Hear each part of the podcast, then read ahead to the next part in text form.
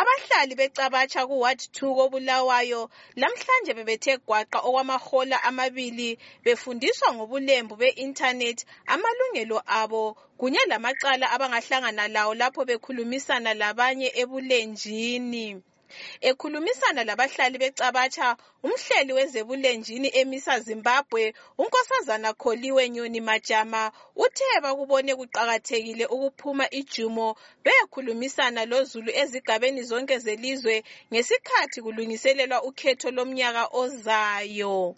Njengemisa zimbabwe sihleli phansi savumelana ukuthi kuqakathekile ukuthi sikhulumise uzulu ngendaba yokusetshenziswa kwama-cellphone kumbe sithi i-intanethi lapha ezimbabwe. Ikakhulu sikhangelele ukuthi ngesikhathi lesi sikhangelele ukuthi sizabumba umthetho oyabe ukhangele ukuthi wonke umuntu ulakho ukuthi amalungelo akhe asebenzisayo kumbe alawo njengosizalwane sezimbabwe.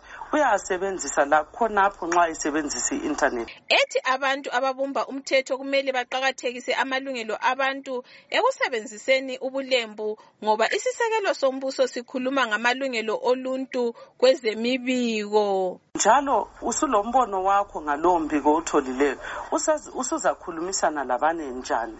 Njalo njengezizalwane zezimbabwe sibe ngabantu abenelisa ukuthi nxa kusiba lezinto ezenzakalayo ezweni lethu okufana lama-election abantu bazi ukuthi kathesi sokule intanethi ekhona kodwa ziningi izinto okumele zinanzelelwe kulo mthetho esiwuyenzayo. Kumele sikhangele ukuthi laba abantu abawubumbayo lowo mthetho bayaqakathekisa amalungelo abantu ekusetshenzisweni i-intanethi isakhamuzi secabatsha umnumzana lazarus masuku ubonge kakhulu uhlelo lokufundiswa ngobulembu ethi lubavule amehlo. Siyathaba kakhulu ngoba yiyo into eqondileyo ukuthi uma ukhuluma iqiniso liyazibonakalisa lebantwini bezwe lento engabe iyakuhlupha kube sobala lakumuntu olaleleyo. Yikho-ke siyabonga kakhulu. Bantu abami ngokuzosifundisa into enje. Abantu abaningi ede bengakwazi konke lokhu umnumzana mandle nkosi ncube. Uthe ubulembu kunye lenhlelo ezizalayo yizinto ezinhle kodwa ziyazisinda uma sekuyiwa ekhethweni. Unkosikazi nobuhle ncube uthe ufunde okunengi njalo uzayabela abanye ngakufundileyo mayelana lobulembu hayi mina ngifunde okuningi kakhulu njalo ngibusisekile ngakho ngoba kungivule amehlo. Bengingakunanzelelanga ukuthi khona kungaba lento ongahlangana layo endleleni ikufake engozini. Njalo kumele sibone ukuthi silelungelo lethu ukuthi sikhulume ngakho konke okufaneleyo ngelizwe lethu. Ezimbabwe sekulabantu abambalwa asebethe babotshwa ngesikhathi bethumela imibiko besebenzisa inkundla ezehlukeneyo zebulenjini kunyanga edlule.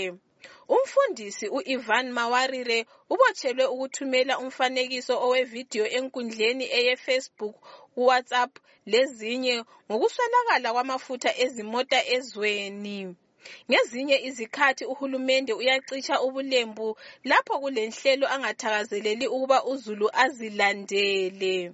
Inengi labantu ecabatsha bakhale ngentengo yokungena ebulenjini bethi iphezulu njalo amankampani abomakhalekhukhwini lapha kumele bengabizi intengo ephezulu kakhulu ukuze uzulu wonke afinyelele imibiko eza ngobulembu.